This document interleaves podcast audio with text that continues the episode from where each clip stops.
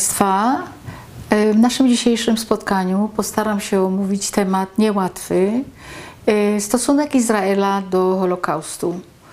Po hebrajsku e, to jest Shoah, to znaczy kataklizm, po polsku zagłada. Ja myślę, że słowo zagłada jest bardziej adekwatne do określenia tego, co się stało, ale będę używała tych trzech wyrażeń na przemian, znaczy Holokaust, Shoah i zagłada.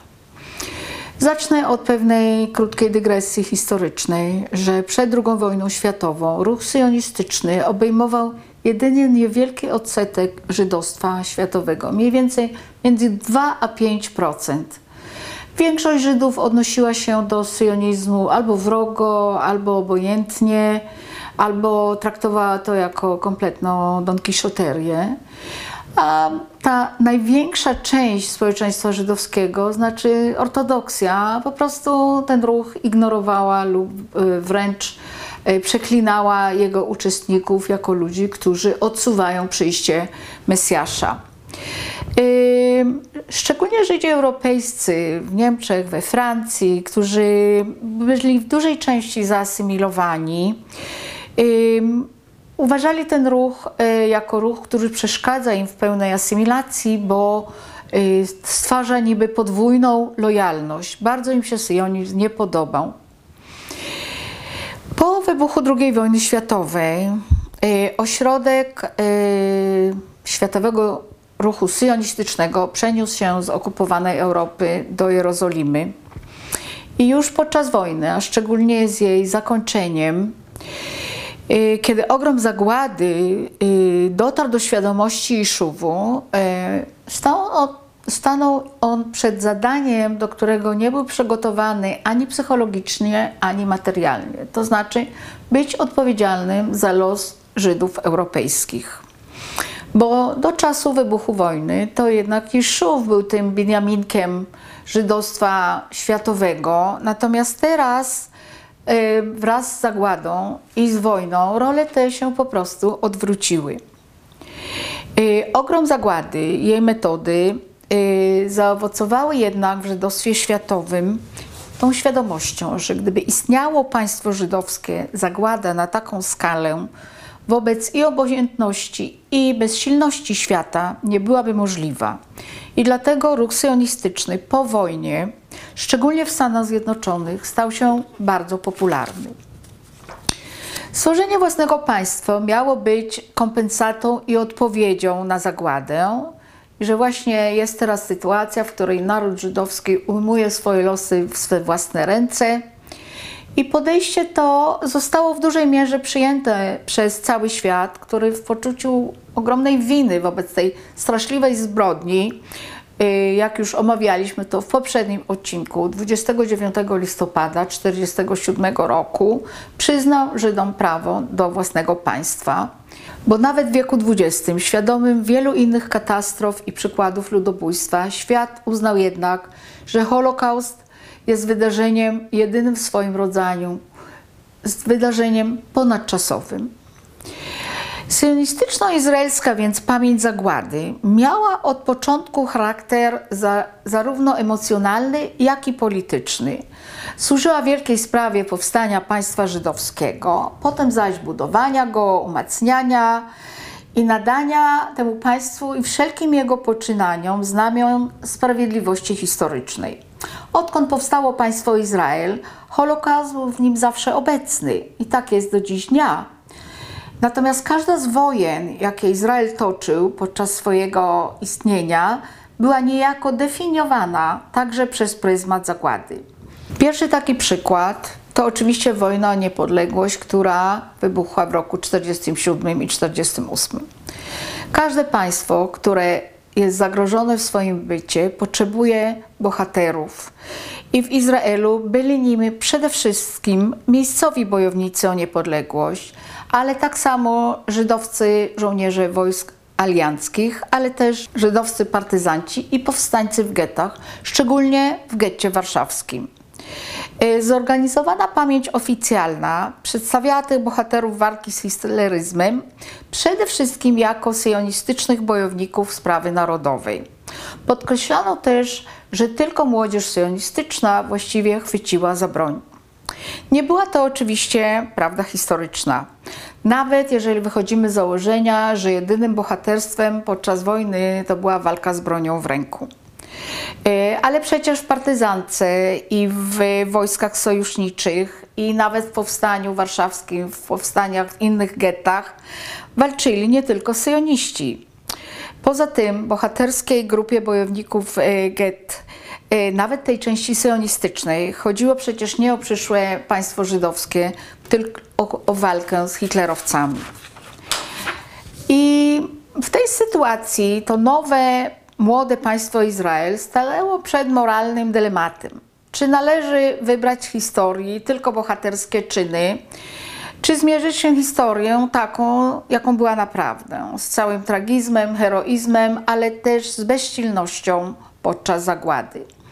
Pierwsze pokolenie przywódców izraelskich z Ben Gurionem na czele wybrało drogę przedstawienia zwycięskiego i walczącego Izraela jako ucieleśnienie marzeń, wielowiekowych marzeń narodu. W tej koncepcji nie mieścili się jednak, prócz bohaterów walk w gettach lub partyzantów, ocaleli zagłady prości Żydzi. Nie byli bohaterscy, jakimś cudem przetrwali, bądź to w ukryciu, bądź to w obozach, bądź jako uchodźcy, lecz e, nie walczyli z bronią w ręku i nie próbowali bronić własnego honoru i honoru swojego narodu. W Izraelu traktowano ich jako gorszą część społeczeństwa. I ludzie, którzy przeżyli piekło obozów, czuli się niemal winni tego, że przetrwali. Z jednej strony ci przybysze z piekła, którzy stanowili już trzecią część ludności, nie odpowiadali etosowi tego nowo powstałego państwa. Z drugiej strony Holokaust potwierdzał syjonistyczną doktrynę odwiecznej krzywdy Żydów i słuszności powstania państwa żydowskiego. Zasługiwał więc na pamięć. Wynikiem tego zapętlenia był bardzo ambiwalentny stosunek Izraela do zagłady poprzez wiele, wiele lat. Formalne podejście propagowane w Izraelu przez pierwsze 20 lat istnienia państwa sugerowało, że państwo Izrael powstało dzięki ruchowi syjonistycznemu i aktywnej walce Jeszuwu przeciw Anglikom i wojskom krajów arabskich. Izrael uważał się za mściciela i wykonawcę testamentu zgładzonego żydostwa europejskiego, ale nie uważał, że samo powstanie państwa i jego charakter – jest nierozerwalnie związany z Holokaustem. Stosunek ten zmienił się krańcowo i dzisiaj Shoah jest chyba najbardziej istotnym elementem izraelskiej tożsamości. Lecz był to powolny proces, który przeszedł kilka zmiennych faz. Lata 40. i początek lat 50. Y, to okres najbardziej krytyczny w procesie kształtowania się izraelskiej tożsamości. Toczyła się wojna światowa, naród żydowski przeszedł największą tragedię w swoich dziejach i w rezultacie tych wydarzeń powstało państwo Izrael, a zarazem główne mity narodzenia narodu, które utrzymały się przez pierwsze lata niepodległości. Zagłada na pewno od samego początku, już w latach 40., była obecna w świadomości Iszuwu, istniała w mediach, istniała wśród społeczeństwa, ale raczej w tradycyjnym kontekście y, rytualno-retorycznym, który odwiecznie towarzyszył właśnie żydowskiej martyrologii. Nie wolno też zapominać, że Iszów czerpał swoje wiadomości o zagładzie y, z prasy brytyjskiej. Prasa ta była pod bardzo surową cenzurą. Brytyjczycy nie byli zainteresowani żeby przekazać światu wiadomości o zagładzie, bo budziłoby to opinię publiczną w Stanach, która by zażądała, żeby coś zrobić na temat ocalenia żydowstwa europejskiego. Traktowano raczej te wiadomości, które docierały do Iszuwu jako um, propagandę wojenną y, Związku Radzieckiego, a nie jako coś, co się zdarzyło w rzeczywistości.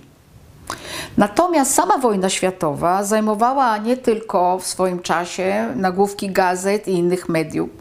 Także w świadomości indywidualnej Iszuwu istniała ona jako najważniejsze wydarzenie epoki, a żydowski aspekt wojny pozostał raczej na marginesie. Z uczuciem ulgi ujmowano II wojnę światową nie jako sprawę jedynie żydowską, tylko jako taką sprawiedliwą walkę całego oświeconego świata przeciwko siłom zła. Żydzi w szeregach aliantów walczyli z poświęceniem, narażeniem życia nie tylko o ocalenie swoich współwyznawców. Partyzanci żydowscy i powstańcy w gettach walczyli za naszą i waszą wolność, za wspólny cel i godną przyszłość całej ludzkości. W porównaniu z tym uniwersalnym aspektem wojny, Shoah była utożsamiona z przesłaniami wyłącznie żydowskimi, ze zgładzonym pokoleniem wczorajszym. Była pesymistyczna i odgradzała Żydów od reszty świata, który milczał wobec zagłady lub czynnie w niej uczestniczył. Z drugiej strony wojna światowa, wyodrębniona od zagłady, symbolizowała walkę o lepsze jutro, świat dzielny i optymistyczny, zwycięstwo dobra nad złem, przyszłości nad przeszłością. To spolaryzowane podejście do wojny i zagłady proteguje się jeszcze bardziej w pokoleniu synów, sabrów urodzonych i wychowanych od dzieciństwa w Erec Israel i nie mających nic wspólnego z diasporą, którą przecież nauczono ich gardzić. Wojna o niepodległość, która wybuchła w roku 1948, spotęgowała jeszcze te uczucia. Była jakby kontynuacją i należytym epilogiem II wojny światowej, w której zwyciężyła sprawiedliwość. W porównaniu z heroizmem wojennym, przeżycia z zagłady były upokarzające i odstręczające. O wojnie można było opowiadać i dyskutować bez końca. O traumatycznych przeżyciach z Holokaustu i opowiadać i słuchać było bardzo, bardzo trudno. Chęć tych ocalonych opowiadania o swoich przeżyciach została ujęta przez Jeszów jako niepotrzebne, żałosne i masochistyczne grzebanie w ranach. Po wojnie bojowników czynnie zaangażowanych w walkę z Niemcami przyjęto jako bohaterów, a ocalone z pożogi niedobitki żydostwa europejskiego zasługiwały tylko na litość. Dlatego też jedyny wątek zagłady, który wcielił się w mitologię Jeszuwu, w mitologię powstania państwa Izrael, to powstanie w getcie warszawskim. Stwarzało ono ogniwo łączące pozytywne aspekty wojny i wychowanków organizacji sionistycznych z negatywnym aspektem Holokaustu, z negatywnym aspektem diaspory. Na tej samej zasadzie nielegalna alija, tak zwana alija bet, która, która odbyła się między rokiem 45 a 48, która była zorganizowana przez Jeszów dla niedobitków zagłady, znów wysunęła na pierwszy plan y, nie tych, którzy ocaleli, lecz poświęcenie generacji sabrów. Alia Bet stała się następnym ogniwem łączącym aktywne pokolenie izraelskie z pasywnym pokoleniem ocalonych. Alia ta była w oczach Jeszuwu związana przede wszystkim z walką o niepodległość. Zagłada była w tej akcji na drugim planie. Więc samo powstanie państwa żydowskiego nie było pojmowane jako kompensację i wynik zagłady, lecz jako zwycięstwo ideologii syjonistycznej i poświęcenie młodego pokolenia dla dobra narodu. Co prawda, Shoah jest wspomniana w deklaracji niepodległości Izraela, lecz występuje ona tylko jako jedna z przyczyn, które, która legitymizuje istnienie państwa żydowskiego. Media izraelskie, takie jak radio, teatr, filmy, literatura i prasa, zajęte były bardziej historią II wojny światowej niż historią zagłady, ponieważ tego domagało się społeczeństwo. Wojna światowa, wojna o niepodległość i zwycięski mityczny Sabra były główną częścią narzuconego z góry modelu tożsamości izraelskiej. Shoah symbolizowała słabość i poniżenie i dlatego podczas dwóch pierwszych dziesięcioleci po II wojnie światowej zeszła na drugi plan izraelskiej świadomości. Nie była częścią dyskursu narodowego i co istotne, nie była częścią programu edukacyjnego. Ben Gurion chciał wykonać tak zwany skok w historii poprzez 2000 lat diaspory i zasugerował motto: Odległa przeszłość jest nam bliska, bliska przeszłość jest nam daleka. To znaczy, Czasy biblijne są nam bliskie, a czasy zagłady są nam dalekie. Problem skoku historii było nie tylko odcięcie się od zagłady, ależ też odcięcie się od 2000 lat żydowskiej myśli i kultury. Ben Gurion mniemał, że przeszłość biblijna była szczytem doskonałości kulturowej narodu żydowskiego. Reszta, tak jak Talmud, Mishnah, inne komentarze, to mierna, nic nieznacząca ani duchowo, ani intelektualnie skolastyka diaspory. Podejście to, mimo że spotkało się z głębokim sprzeciwem wielu intelektualistów i czołowych myślicieli izraelskich, przeważało jednak przez przynajmniej, przynajmniej 21 lat istnienia państwa i w kulturze, i w systemie edukacyjnym państwa Izrael.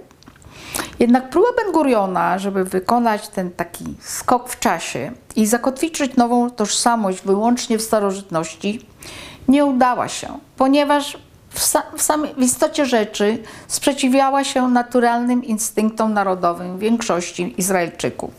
Dla nowego państwa mity biblijne nie były negacją tysięcy lat historii narodu, lecz jej uzupełnieniem.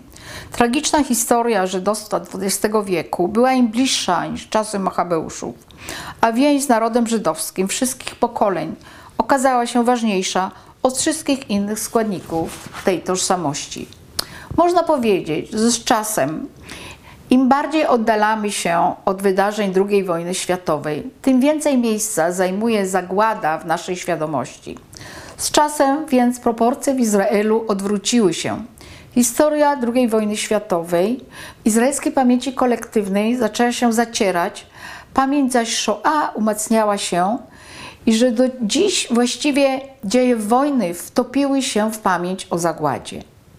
Trudno jest określić, kiedy dokładnie nastąpiła ta zmiana. Są na ten temat różne opinie.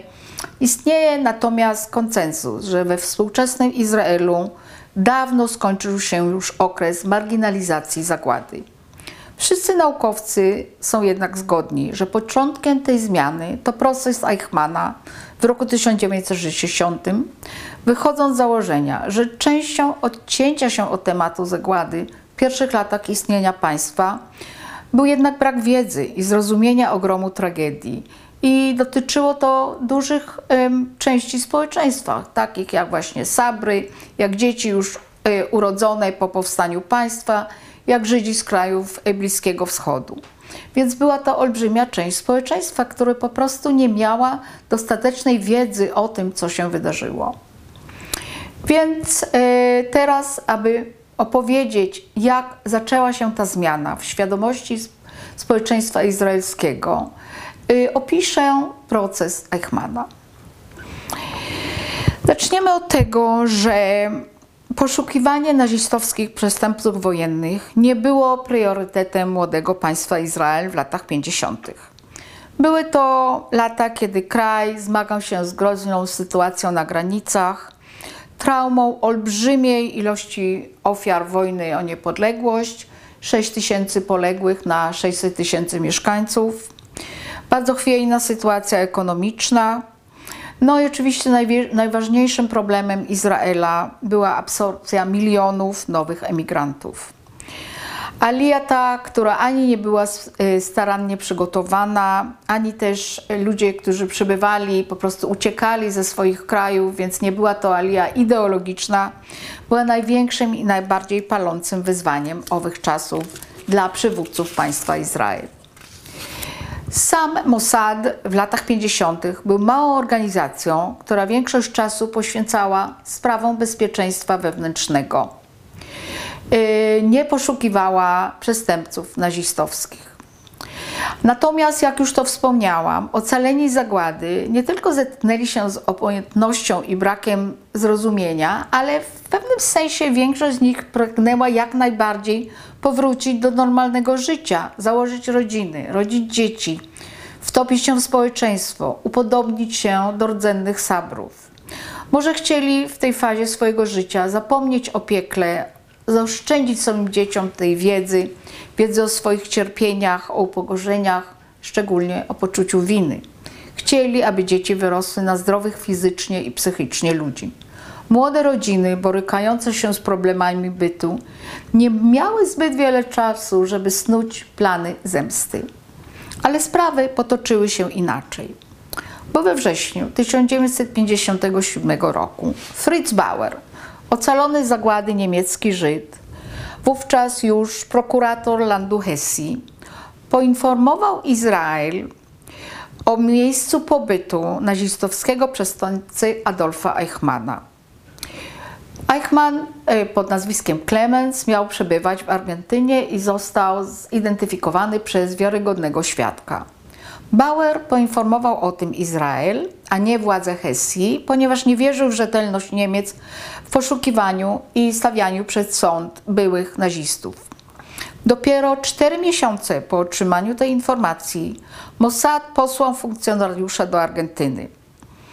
Funkcjonariusz rzucił z wiadomością, że informacja jest błędną, natomiast y, następny członek policji izraelskiej, który pojechał na zjazd Interpolu w Argentynie, też zweryfikował tą informację i zawiadomił, że jest ona fałszywa, ponieważ domniemany Eichmann mieszka w bardzo skromnych warunkach.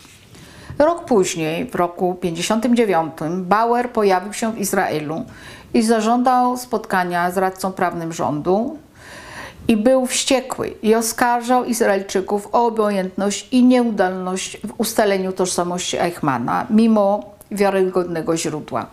Eichmann według Bauera opuścił Europę pod nazwiskiem Clemens na paszporcie wydanym przez Watykan, mieszka w Argentynie i jak to jest możliwe, że Izrael ignorował świadectwo wiarygodnego świadka i nie tylko, że nie przeprowadził zawodowego śledztwa, lecz sprawę praktycznie umorzył.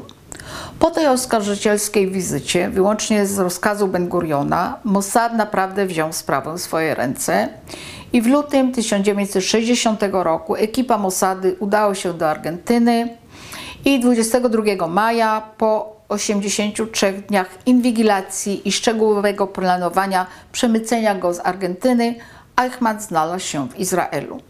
Kim był właściwie Adolf Eichmann? Czy jak twierdzi Hannah Arendt, biernym gryzipiórkiem, który wykonywał tylko rozkazy przełożonych, czy też diabłem lub szatanem, który był osobiście odpowiedzialny za wcielenie w życie projektu ostatniego rozwiązania.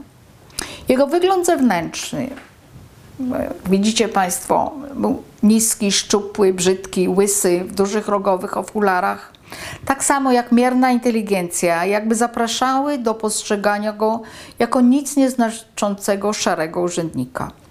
Aby umocnić tą tezę, przeważnie porównywano go z charyzmatycznym Heidrichem, jego szefem. Heidrich, który był wcieleniem ideału um, rasistowskiego Niemiec hitlerowskich, był um, um, mężczyzną o typie urody e, czysto aryjskiej, wysoki blondy o niebieskich oczach, błyskotliwy, inteligentny, wysportowany, szermierz, muzyk, lotnik. Heydrich w konferencji w Wannsee w styczniu 1942 roku chciał przedstawić plan ostatecznego rozwiązania, ale ponieważ był zajęty sprawami czeskiego protektoratu, oddał tą sprawę Eichmannowi, swojemu osobistemu asystentowi do spraw żydowskich. Eichmann był zatem tym, któremu powierzone zostało najbardziej złowrogie zadanie w dziejach III Rzeszy.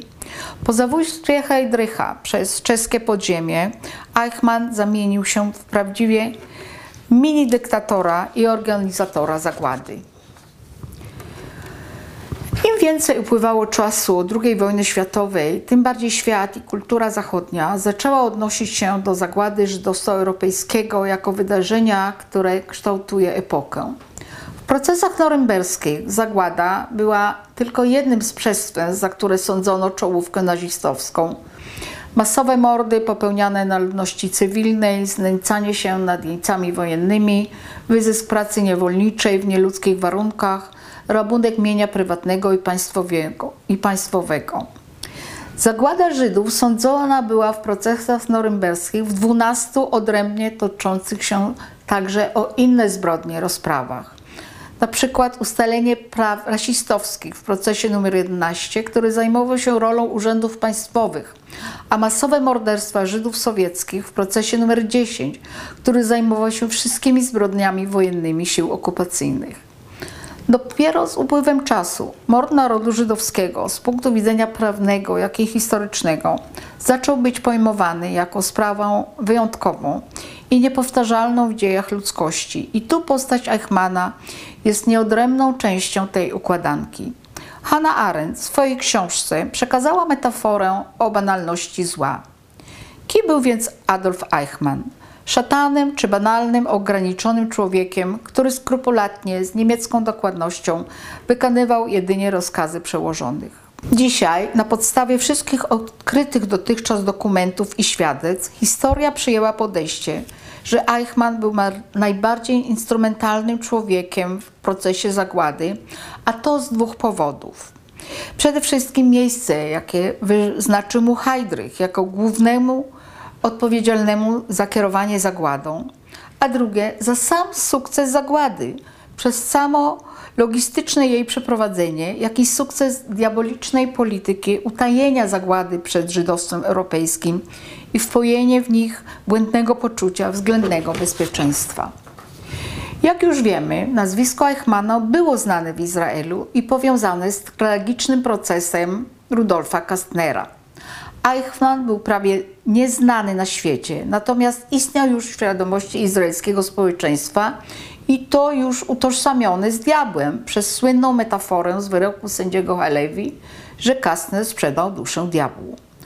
Eichmann y, został sądzony w Izraelu na podstawie ustawy o karaniu przestępców nazistowskich pomocników, która tak jak w innych krajach ustalała, że przestępstwa te nie ulegają przedawnieniu, można je sądzić retroaktywnie i eksterytorialnie, to znaczy nawet jeśli zostały popełnione zanim zaistniało państwo Izrael i jego system karny i też bez zależności gdzie i kiedy zostały popełnione. Po dostarczeniu Eichmana do Izraela Ben Gurion odczekał dobę aż do ostatecznego ustalenia jego tożsamości poprzez ludzi, którzy osobiście go spotkali przed wojną lub podczas wojny. I w dniu 23 maja 1960 roku wygłosił w parlamencie następujący komunikat. Pragnę poinformować Kneset, że przed pewnym czasem wykryty został przez izraelskie siły bezpieczeństwa jeden z największych przestępców nazistowskich – Adolf Eichmann, który wraz z czołówką nazistowską był odpowiedzialny za tak zwane ostateczne rozwiązanie kwestii żydowskiej, to znaczy wymordowanie 6 milionów Żydów europejskich. Adolf Eichmann znajduje się już w areszcie w kraju i będzie postawiony przed sądem izraelskim na podstawie ustawy o karaniu nazistów i ich pomocników. Parlament przeżył szok. Uczestnicy zebrania opowiadali później, że byli jakoby porażeni prądem. Izraelski parlament miał już za sobą 12 lat obrad, ale nic nie przygotowało go na emocję, jaką wywołał komunikat Ben Guriona. A jak zareagowała reszta świata?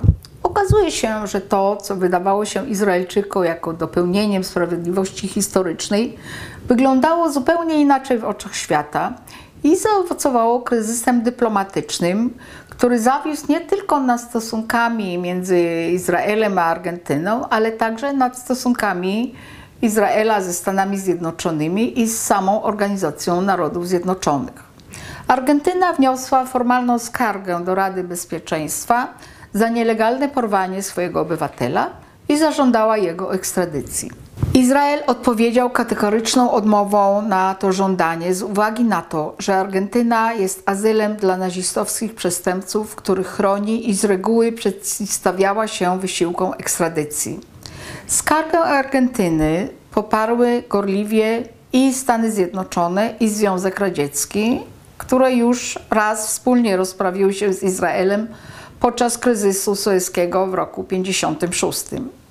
Jednak po kilku dniach miotania się dyplomatycznego sytuacja międzynarodowa uspokoiła się, a to z dwóch powodów. Po pierwsze, w roku 1960 miały się odbyć w USA wybory.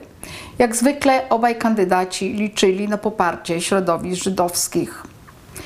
Drugim powodem była zimna wojna. Związek Radziecki sugerował, że przestępcy nazistowscy powinni być sądzeni w miejscu popełnianych zbrodni, co w praktyce oznaczało ekstradycję Eichmana do jednego z krajów demokracji ludowej. W toku zimnej wojny Zachód nie chciał, aby Eichmann był sądzony w Polsce lub na Węgrzech i użyty do celów propagandy skierowanej przeciwko Niemcom Zachodnim. W ten sposób po kilku dniach kryzys został zażegnany. Rada Bezpieczeństwa zaprotestowała przeciwko naruszeniu suwerenności Argentyny, godząc się jednocześnie po cichu na pozostawienie i osądzenie Eichmana w Izraelu.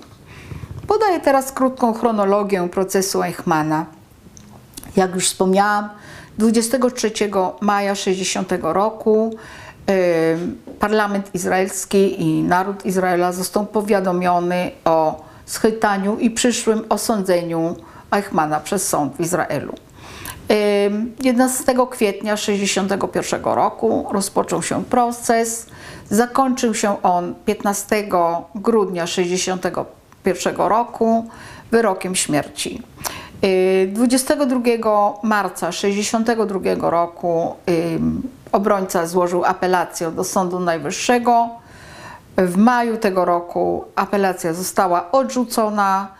Y, pod koniec maja y, została zgłoszona prośba do prezydenta Izraela Itzhaka Bencwi o ułaskawienie i ten ów prośbę odrzucił. Oczywiście, że logistyka w przygotowaniu procesu takiego, który miał być nadawany na cały świat, była bardzo skomplikowana.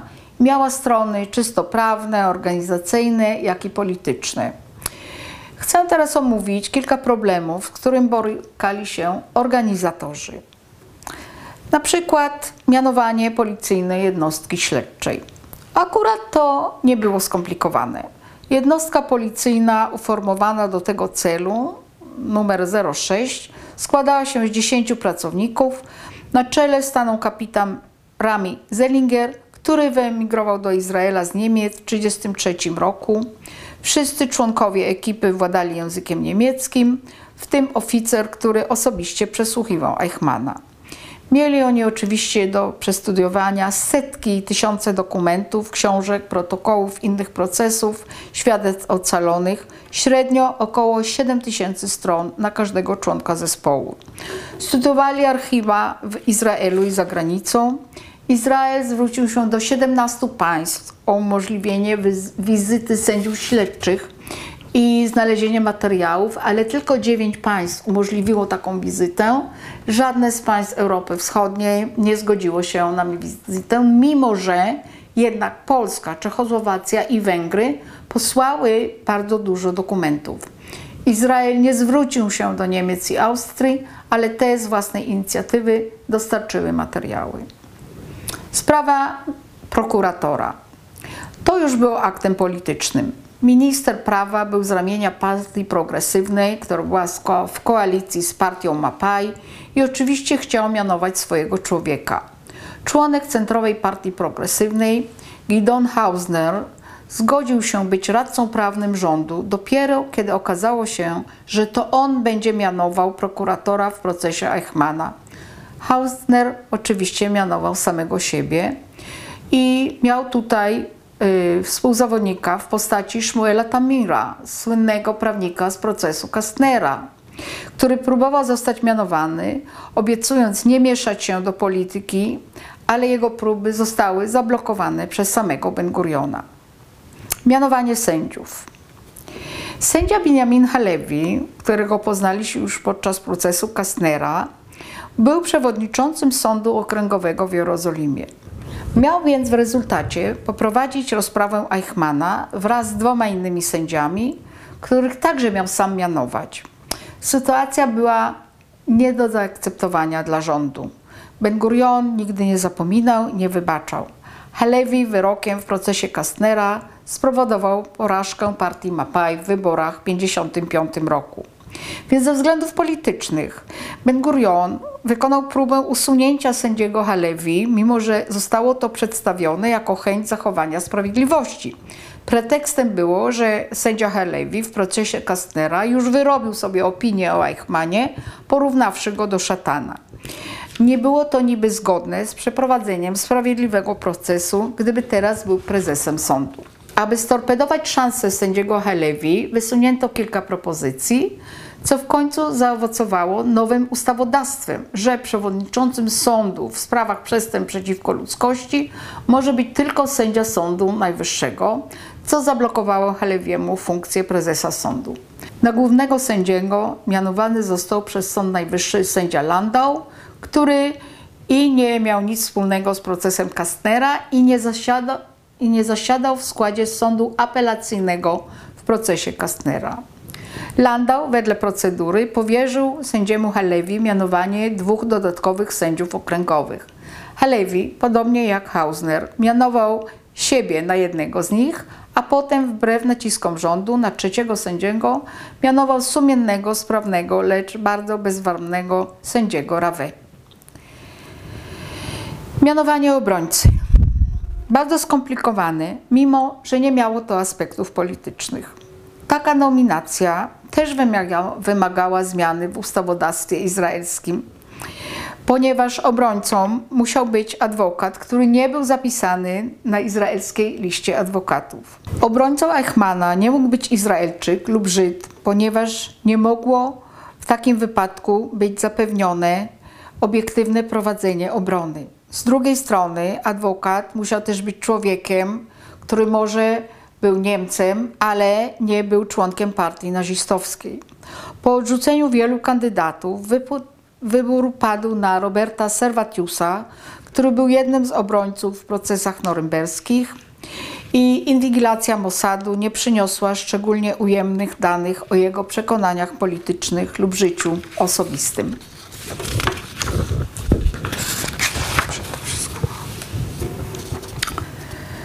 Sprawa honorarium dla obrońcy. Niemcy ze względów moralnych nie chciały tego wziąć na siebie. Poza tym Eichmann właściwie zbiegł z Niemiec i przyjął inne obywatelstwo. Rodzina Eichmana nie miała pieniędzy. W rezultacie rząd izraelski uiścił honorarium Servatiusa w sumie 27 tysięcy dolarów, jak też jego izraelskiego pomocnika, który został mu mianowany z urzędu, lecz nie ukazywał się na sali sądowej. Największa sprawa to wybór świadków procesu. Prokurator Gideon Hausner otworzył swoje przemówienie słynnym zdaniem. Reprezentuję tutaj 6 milionów oskarżycieli. W Izraelu mieszkało w owym czasie około pół miliona Żydów europejskich ocalonych z США. Jedna czwarta ludności, którzy na ogół nosili swoje przeżycia i ból głęboko w sobie. Nagle znaleźli się w świetle reflektorów. Spośród tych ludzi miano wybrać świadków oskarżenia. Ekipa policyjna w trakcie przygotowań odno odnosiła się do świadectw osobistych z rezerwą i wolała polegać na dokumentach. W istocie przejęła podejście, które dominowało w procesach norymberskich, które oparły się na dokumentach i nie polegały na świadkach, którzy często z powodów emocjonalnych nie byli w stanie złożyć racjonalnej relacji. W przypadku Eichmana też upłynęło 15 lat od wydarzeń, co mogło źle wpłynąć na pamięć i dokładną relację. Jednostka śledcza wybrała więc 60 osób, z których Hausner miał wyznaczyć tych, którzy będą najbardziej odpowiedzialni, żeby stanąć przed sądem jako świadkowie. Hausner zaakceptował tych 60 i wybrał dodatkowych 50.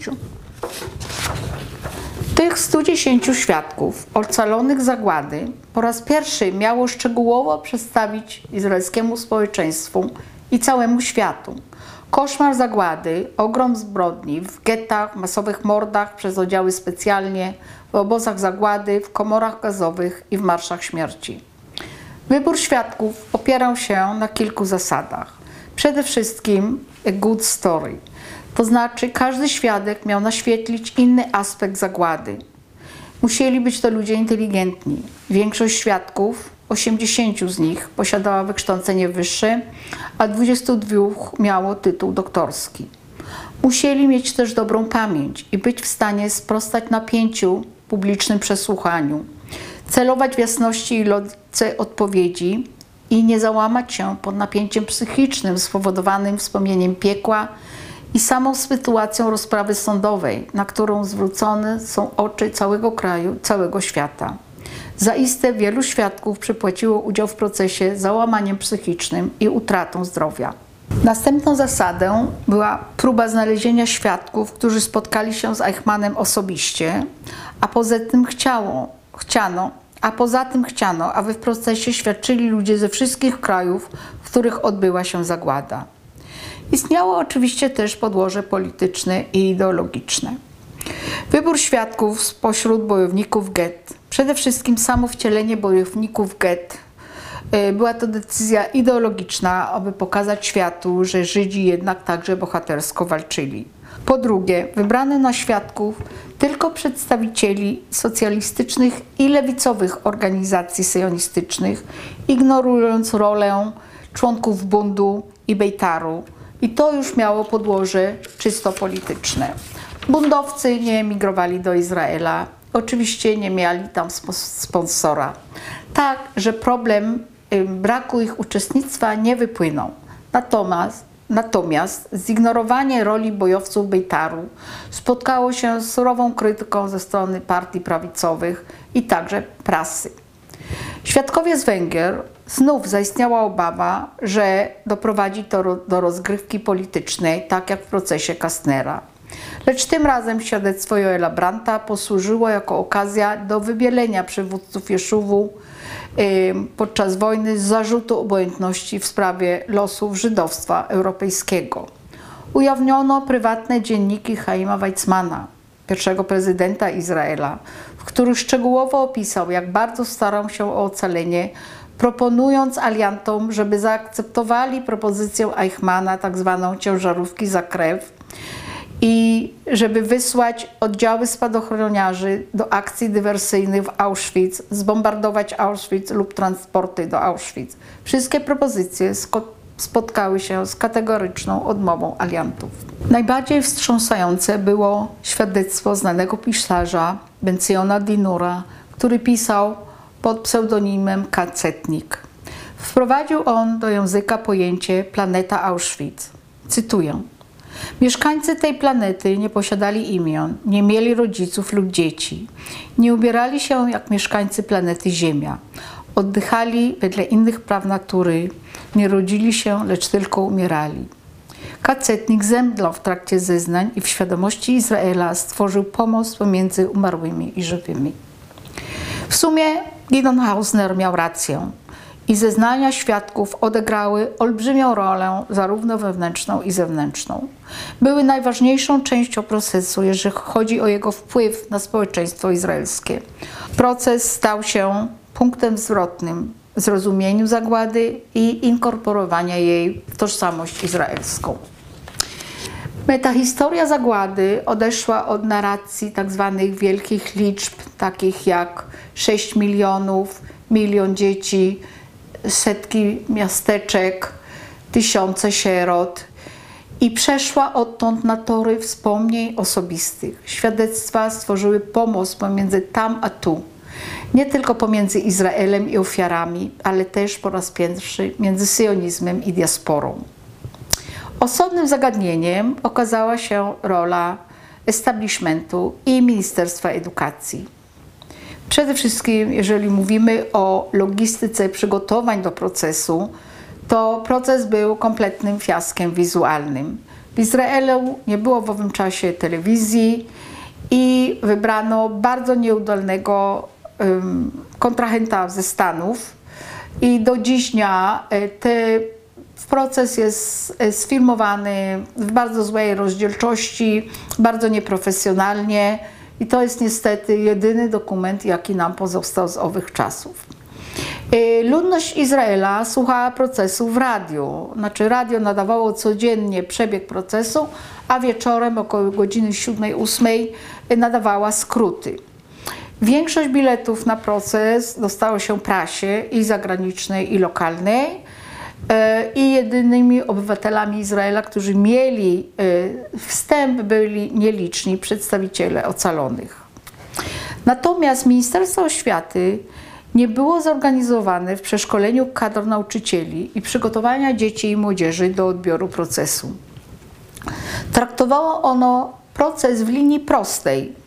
Schwytanie, osądzenie, karanie. Ujmowano proces jako wydarzenie medialne, którym interesuje się społeczeństwo i, i zatem zależy to zainteresowanie zaspokajać. Lecz wartość edukacyjna nie została w tej fazie ani zauważona, ani przygotowana. Więc proces został odebrany przez młodzież tylko na płaszczyźnie uczuciowej, bez żadnego podłoża historycznego i przygotowania do dyskursu intelektualnego.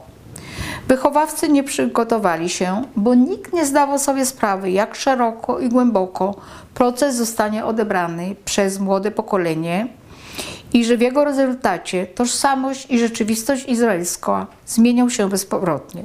Proces był katalizatorem w opracowaniu obszernego programu edukacyjnego, który kilka lat później ukształtuje wszystkie przyszłe pokolenia izraelskie. Dotychczas yy, nauczanie o zagładzie odbywało się kilka dni przed Dniem Pamięci o Zagładzie. Przed i podczas samego procesu system edukacyjny działał zbyt mało i zbyt późno, i właściwie to młodzież podyktowała i wskazało na to ogniwo łączące Izrael z przeszłością, z całym światem żydowskim, a tym ogniwem była zagłada. Ben Gurion chciał, aby proces był krótki i dramatyczny, aby utrzymać uwagę mediów i publiczności. Chciał wykorzystać proces do celów polityki zagranicznej, i nie zdawał sobie sprawy, jak głęboko wstrząśnie on społeczeństwem izraelskim i jak daleko idące zmiany zajdą w mentalności Izraelczyków, którzy w rezultacie procesu odepchną jego koncepcję skoków historii i zaakceptują zagładę jako najszerszy określający ich mianownik. Na zakończenie. Czy był to proces kryminalny, pokazowy czy historyczny? Wielkie procesy, jakie toczyły się w XX wieku, zostały określone w jednej z powyższych kategorii. Dwie ostatnie nie są określeniem sądowym, lecz raczej określeniem kulturowym. Na pewno proces Eichmana nie był procesem kryminalnym w potocznym znaczeniu tego słowa. Zbrodnie osądzone w nim były ponadczasowe i wymógł on wiele ustawodawstwa retroaktywnego. Na przykład mianowanie sędziego, zatwierdzenie kary śmierci, której w Izraelu nie było. Zresztą był to jedyny wyrok kary śmierci wykonany w Izraelu od czasu istnienia państwa. Innym odstępstwem od zwykłego procesu kryminalnego było to, że nie udzielono immunitetu potencjalnym świadkom obrony i w rezultacie zostali oni wyłączeni z procesu. Czy był on procesem pokazowym, tak zwanym show trial, znaczy zorganizowany przedstawieniem, które ma za zadanie służyć celom propagandowym lub politycznym. Na przykład procesy moskiewskie lat 30. lub proces taterników w Polsce pod koniec lat 60. są takim przykładem. W pewnym sensie było to przedstawienie przed szeroką publicznością, Lecz e, sam proces Eichmana na pewno nie służył do celów propagandowych jedynie wąskiej elity politycznej lub społecznej. Zostaje więc określenie ostatnie, które nie istniało w przeszłości i zostało właściwie sformułowane po procesach norymberskich, to znaczy proces historyczny. Więc według mnie proces Eichmana był procesem historycznym i dlatego, że przedstawił historię epoki, i dlatego też, że był punktem zwrotnym w historii Izraela i w historii ludzkości, która po ukazaniu bestialstwa zagłady zaliczyła ją do wydarzenia niespotykanego dotąd w historii i dziejach ludzkości jako przestrogą dla przyszłość i jako przestrogą na przyszłość dla wszystkich narodów świata. Proces był sformułowaniem nowego podejścia izraelskiego do zagłady i do powiedzenia ocalonym: Wasze dziedzictwo jest nierozłączną częścią naszej kultury. Jesteśmy tacy sami. Był to proces narodu żydowskiego na całym świecie przeciwko swym oprawcom i to dało po raz pierwszy poczucie wspólnego losu z żydostwem diaspory, obalenie koncepcji negacji diaspory i jej demonizacji i jednocześnie legitymację diaspory jej dorobku zarówno w przeszłości, jak i w teraźniejszości. Był początkiem wcielenia zagłady w tożsamość izraelską. Dziękuję.